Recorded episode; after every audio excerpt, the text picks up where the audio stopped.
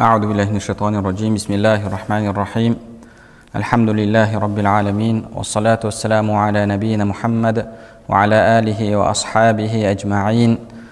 رب اشرح لي صدري ويسر لي أمري واحلل عقدة من لساني يفقه قولي. اللهم علمنا ما ينفعنا وانفعنا بما علمتنا وزدنا علما وعملا وتقا وإخلاصا يا رب العالمين. أما بعد السلام عليكم ورحمة الله وبركاته. Иншалла алла субханала тағаланың қалауымен нәпсін тәрбиелеу тақырыбындағы дәрістерімізді ары қарай жалғастырамыз біз сіздермен өткен дәрісімізде адамның нәпсісін тәрбиелеуде үлкен рөл атқаратын құран оқу мәселесін құран адамға әсер, әсер ету үшін жан дүниесін рухани байыту үшін қандай құранның ішкі әдептерін сақтау керек сол тақырыптарды үйренген болатынбыз. Құран оқудан кейінгі ең абзал зікір ең абзал амал ең абзал құлшылық бұл адамның тілімен алла тағаланы зікір етуі алла тағаланы ұлықтауы қолын жайып алла тағаладан қажетін сұрауы. Яғни құран зікірлердің ең ұлысы болатын болса құраннан кейінгі ұлы зікір ұлы амал бұл басқа тәсбихтерді айтып басқа да келген түрлі алла тағаланы зікір ететін зікір етуімізге себеп болатын сөздерді айтып алла тағаланы еске алу адам әрдайым құран оқи алмайды жүрген жердің бәрінде құран оқу қиын кейде мысалы дәреті болмайды құранды ашып оқиын десе енді ондай уақыттарда құран оқуға мүмкіндігі болмаса қандай құлшылық жасауы керек не істеп жүретін болса ол адамның жан дүниесі бай болады ол адамның иманы күшейеді алла тағаланың алдындағы дәрежесі артады сауабы көбейеді. Олай болу үшін әрбір мұсылман адам алла тағаланың зікірінде болуы қажет. Алла тағаланың зікірінде болуы қажет. Тәсбих хамд субханалла альхамдулилля аллаху акбар ля иляха иллалла тағы да басқа да астағфирулла осындай алла тағаланы ұлықтау сөздерін алла тағаланы еске алу сөздерін истиғфар сөздерін көптеп айту керек. Яғни құран оқудан кейінгі абзал құлшылық бұл алла тағаланы зікір ету болып табылады. Және адам зікір етуімен нәпсісін тәрбиелейді ол адамның нәпсісі тазарады. Ол адамның иманы күшейеді. Ол адам сол зікірдің ләззатын сезінеді. Алла субханала тағала құран кәрімде көптеген аяттарда өзін зікір етудің абзалдығын баяндады. Және пайғамбарымыз саллаллаху алейхи уасалам да көптеген хадистерінде алланы зікір етудің абзалдығын бізге баяндап кетті. Сол алланы зікір етудің абзалдығына қатысты келген дәлелдерге кішкене тоқталсақ. Алла субханала тағала құран кәрімде фәзкуруни әзкуркум мені зікір етіңдер мені еске алыңдар мен сендерді зікір етемін мен сендерді еске аламын деді. Басқа бір аятта насуллаха фанасияхум олар алланы ұмытып қойды алла тағала оларды ұмытып қойды деді. Яғни алла тағала оларды тастап қойды. Алла субханала тағала сіз алламен қандай мәміледе болсаңыз сізбен сондай мәміледе болады. Әзкуркум мені зікір етіңдер мені еске алыңдар мен сендерді еске аламын. Алланы олар ұмытып қойды алла тағала оларды ұмытып қойды деді. Сол үшін де имам сәбит әл бунани рахмаулла табиин ғалымдардан бірде мен алла тағаланың мені қашан есіне алатынын білемін деген сонда жанындағы адамдар түсінбей қалай өйтіп айтып жатсыз қайдан білесіз? деген кезде қалай білесіз? деген сұрақты қойған кезде ол кісі мен оны еске алсам деп жауап берген. Алла субханала тағаланың өзі айтып тұр сізге.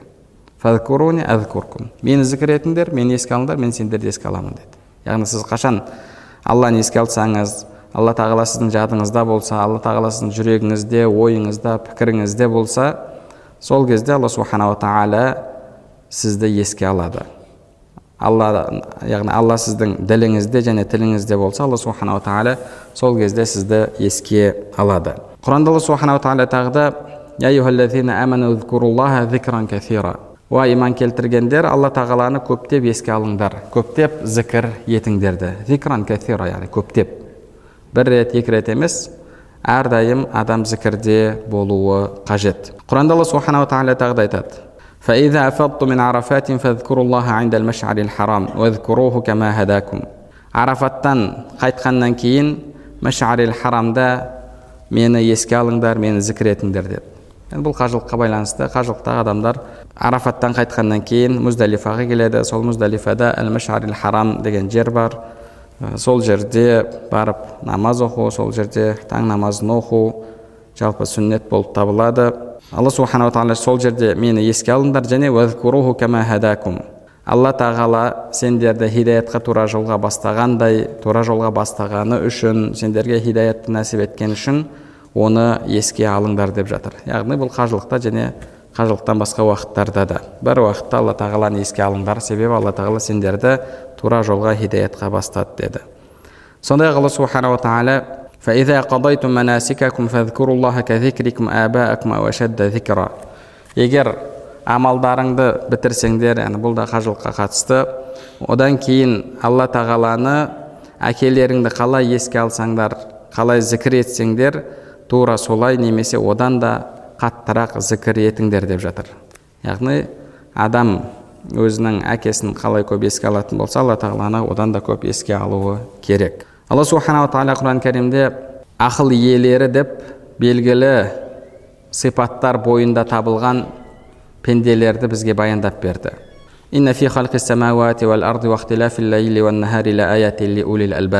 Аспан жердің жаратылуында күн мен түннің ауысуында ақыл иелері үшін анық белгілер бар деді. Ақыл иелері кімдер? Алла субханала тағала бізге олардың сипатын баяндап беріп жатыр. Олар жатса да отырса да тұрса да алла тағаланы зікір етеді деді. Яғни әлгі ақыл иелері аспан жердің жаратылысына қараған кезде әсер ала алатын әсерленетін имандары күшейетін ақыл иелері олар әрдайым алла тағаланың зікірінде болған адамдар. Яғни адам әрдайым алла тағаланың зікірінде болатын болса жүрегі алла деп соғып тұрса тілінде әрдайым алланың сөзі болса ол адамның бүкіл болмысы алла тағаланы зікір етеді. Ол адамға алла тағала өзінің жаратылысының сырын ашады. Ол адам әр нәрседе алла тағаланың құдіретін көріп тұрады. Құранда алла субханала тағала мынау жаратылыстағы барлық нәрсе алланы ұлықтап тәсбих айтып тұр дейді ол сол тәсбихтерді сезінеді әрбір затта әрбір жаратылыста алланың ұлықтығын сезінетін сондай деңгейге жетеді міне солар шынайы ақыл иелері олардың негізгі сипаты олар әрдайым алла тағаланың зікірінде жүреді құранда алла субханала тағала тағы да айтады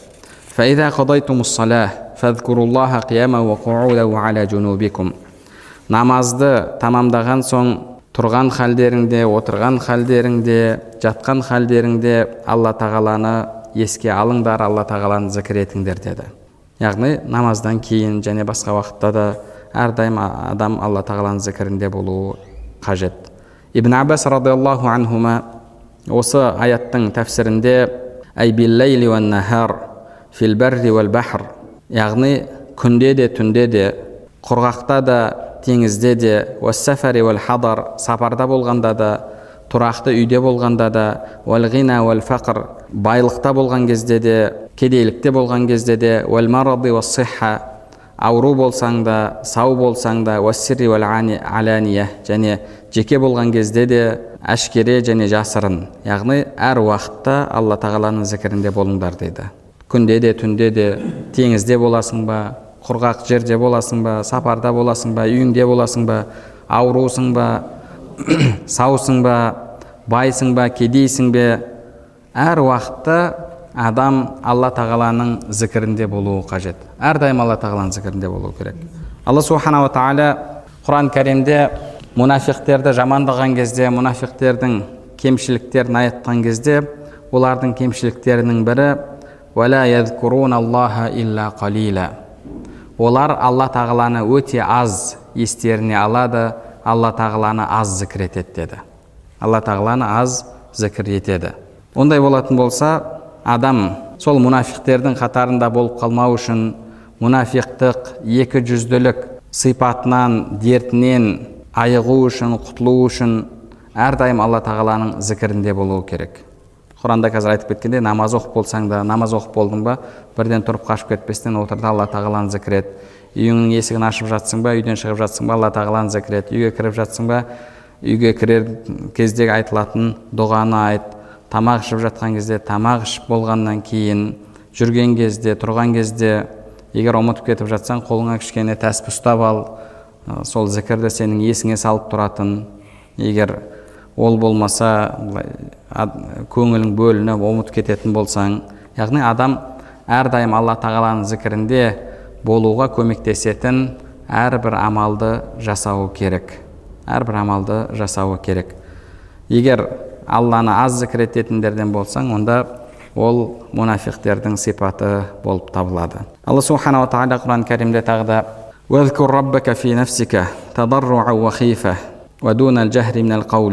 ішіңде де сондай жалбарынған халде жасырын халде алла тағаланы зікір ет деп жатыр.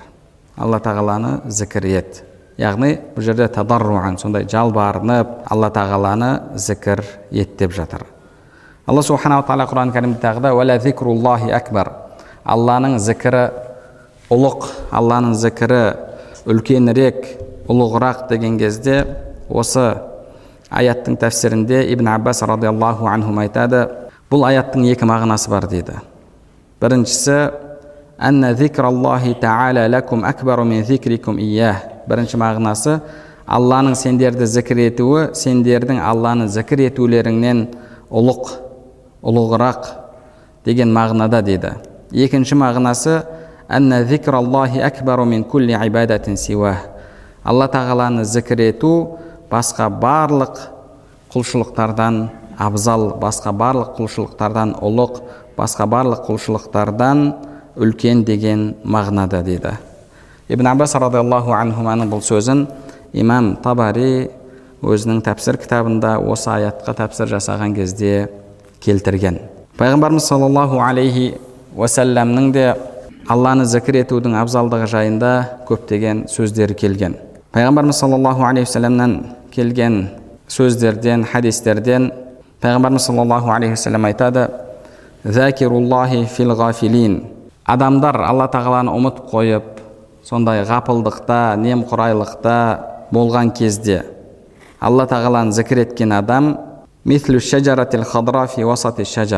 көптеген талдар болса бірақ талдар қысқы мезгілде жапырақтарынан айырылғандай жапырақсыз тұрса сол талдардың ішінде бір тал жап жасыл болып жапырақ салып гүлдеп тұратын болса алла тағаланы зікір етіп жүретін адам басқа адамдар ұмытып қойған кезде тура сол тал сияқты дейді. Басқа қурап қалған талдардың ішіндегі жап жасыл болып тұрған тал сияқты дейді. Неге себебі? Оның дүниесі ішкі дүниесі жап жасыл. Себебі ол әрдайым алла тағаланың зікірінде. Алланың зікірінде болған жүрек ол тірі жүрек болып табылады. Және хадистің жалғасында және сондай ақ әлгі алла тағаланы зікір етіп жүрген адам адамдар ұмытып қойған кезде ғапылдықта болған кезде ол басқалар қашып бара жатқан кезде қашпастан дұшпанға төтеп беріп соғыс майданында қалған адам сияқты деді негізі шариғатта соғыстан қашу үлкен күнә болып табылады. Үлкен күнә алла тағаланың алдында.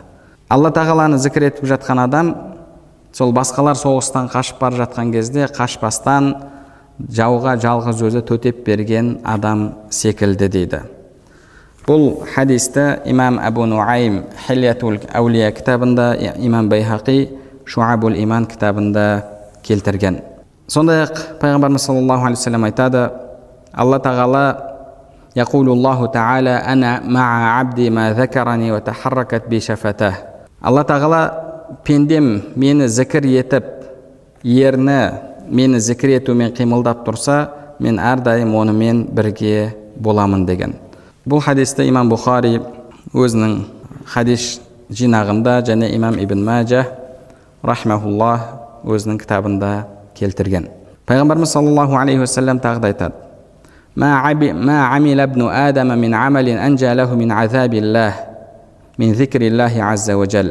Адам баласының өзін тозақтан алланың азабынан құтқаратын жасаған ең жақсы амалы бұл алланы еске алу алланы зікір ету деді. Сонда сахабалар о алланың елшісі алла жолында шайқас шайқаста болу шайқасқа қатысу да одан абзалырақ емес пе? деген кезде пайғамбарымыз саллаллаху алейхи уассалам алла жолындағы шайқас та одан абзал емес деді тек қана егер сен сол шайқаста болып кейін шайқасып жүріп қылышың сынып кетсе кейін екінші қылыш алып тағы да шайқасып ол қылышың да сынып кетсе және үшінші рет тағы да қолыңа қылыш алып сол қылышың сынып кеткенше соғыссаң сол кезде әлгі алла тағаланы зікір еткен адамнан абзал амал жасаған боласың деді. Яғни алла тағаланы зікір етудің қаншалықты ұлы амал екендігін осыдан біз көре аламыз. Кейде біз көңіл бөлмейміз ол нәрсеге бірақ пайғамбарымыз саллаллаху алейхи уассалам бізге осы хадистері арқылы алла тағаланың үлкен мүмкіндік бергенін баян етіп жатыр. Алла тағала сізге үлкен мүмкіндік беріп жатыр. Сондай хадистер бар пайғамбарымыз саллаллаху алейхи вассаламнан келген. Сол субханалла альхамдулилля деп айтсаң сол сенің таразыңды толтырады таразыңды толтырады деп жатыр. Сол нәрселерді айтатын болсақ біз алла жолында жихад жасаған адамнан да абзал амал жасаған болып есептелеміз. Барлығымыз білеміз алла жолында шайқастың қандай ауыр екенін. Пайғамбарымыз саллаллаху алейхи сол нәрсенің ауырлығы үшін дұшпанмен кездесуге асықпаңдар оған ынтық болмаңдар деді. Соны тілемеңдер деді. Неге? Себебі адам ол нәрсені тілеп қалағанымен басына түскен кезде қандай жағдайда болады? Адамның жаны тәтті алла жолында жан қию деген оңай нәрсе емес. Сондай ауыр жихадтан да абзалырақ болған амал ол алла тағаланы зікір ету деді. Алла тағаланы зікір ету. Әсіресе қазір біз басымыздан кешіріп жатқан күндерде алла тағаланы зікір ететін болсақ ізгі амалдар жасайтын болсақ бұл амалдар да ең жақсы амалдардан болып есептеледі. Пайғамбарымыз саллаллаху алейхи уассалам өзінің хадисінде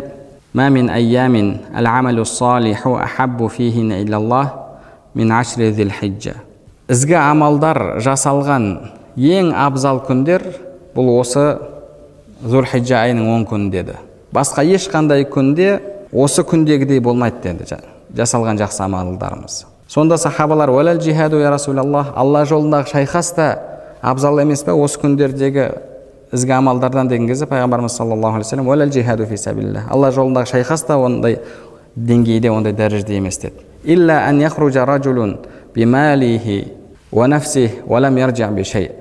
Тек қана бір адам дейді. Шайқасқа шыққан кезде өзі шықса және сол алланың жолында бүкіл дүниесін алып шығып еш нәрсесіз қайтса дейді. Еш нәрсесіз қайтса дегенде яғни жанымен де қайтқан жоқ малымен де қайтқан жоқ. Сол адам абзал деді. Сол адам ғана абзал бола алады деді. Яғни осы күндерде осы зүлхиджа айының он күнінде ізгі амалдар жасайтын болсақ құран оқитын болсақ алланы зікір ететін болсақ ораза тұтатын болсақ садақа беретін болсақ бұл амалдарымыз басқа уақыттарда жасалған амалдардан еселеп абзал амал болып табылады. Алла тағала оны абзал амал ретінде қабыл алады. Пайғамбарымыз саллаллаху алейхи уассалам тағы да өзінің басқа бір хадисінде жәннат бақшаларынан өтсеңдер сол бақшалардан жеңдер ішіңдер тойыңдар деді. Яғни ә, ратаа сөзі араб тілінде кіріп жеп ішкен тойғанша жеу ішуді білдіреді.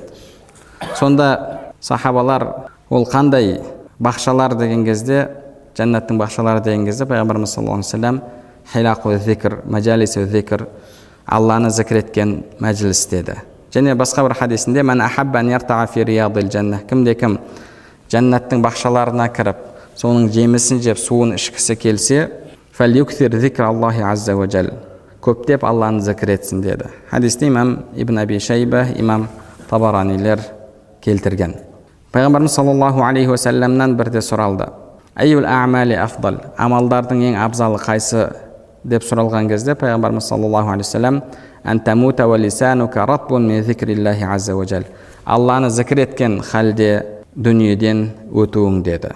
Алланы зікір еткен халде дүниеде өтуің. Хадисті имам ибн хиббан имам табарани имам байхақилер муаз ибн жабіл радиаллаху анхуден риуаят еткен. Пайғамбарымыз саллаллаху алейхи уассалам тағы да айтады.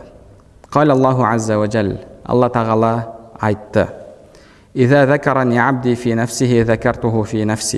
Егер пендем мені жеке өзі есіне алатын болса жеке отырып мені еске алып мені зікір ететін болса мен де солай оны еске аламын деді. Егер мені бір топ жамағаттың адамдардың арасында отырып зікір ететін болса мен оны оның тобынан да бірге отырған жамағатынан да жақсырақ болған абзалырақ болған топтың арасында еске аламын деді. Яғни періштелердің арасында. Егер ол маған бір қарыс жақындайтын болса мен оған бір құлаш жақындаймын деді. Егер ол маған бір құлаш жақындайтын болса мен оған одан ұзынырақ қалай дейтін еді кез дейтін еді? Солай жақындаймын деді. Егер маған жүріп келсе мен оған қарай жүгіремін деді. Мен оған қарай жүгіремін деді. Яғни имам абу хамид ал ғазали бұл жердегі жүру, жүгіруден мақсат менің мен оның дұғасын тез қабыл етемін мен оның тәубесін тез қабыл етемін деген мағына дейді. Бұны кез келген хадисті оқыған адам түсінеді. Себебі егер маған қарай жүрсе деген сөзден ешкім аллаға қарап жүру дегенді түсінбейді. Ондай мағынаны ешкім түсінбейді. Бұл сөзден адам алланы зікір етуді аллаға тәубе етуді аллаға көптеп истиғфар айтуды түсінеді. Оған жауап ретінде келген алла тағаланың сөзін де солай түсінеді. Харуальту илай мен де оған маған қарай жүрсе мен оған қарай жүгіремін дегенді тура сол мағынада түсінеді. Бірақ біздің арамызда сондай адасқан бауырларымыз бар. Осы хадисті оқыған кезде бұл хадистен алла тағала жүгіреді екен. Де, сондай мағынаны түсінген. Жүгіру де бұл жерде харуаля деген негізінде тез жүгіру емес. Харуаля деген жай жүгіру. Мынау сафа мен маруан арасында қажылыққа барған адам умраға барған адам харуаля жасауы мұстахаб харуаля деген яғни орта жүгіріспен жүгіру. Әлбетте бұл жерден ондай мағына шықпайды бірақ алла адастырып қойса адам анық ашық мағынадан басқа бір бұзық мағына шығарып алуы мүмкін.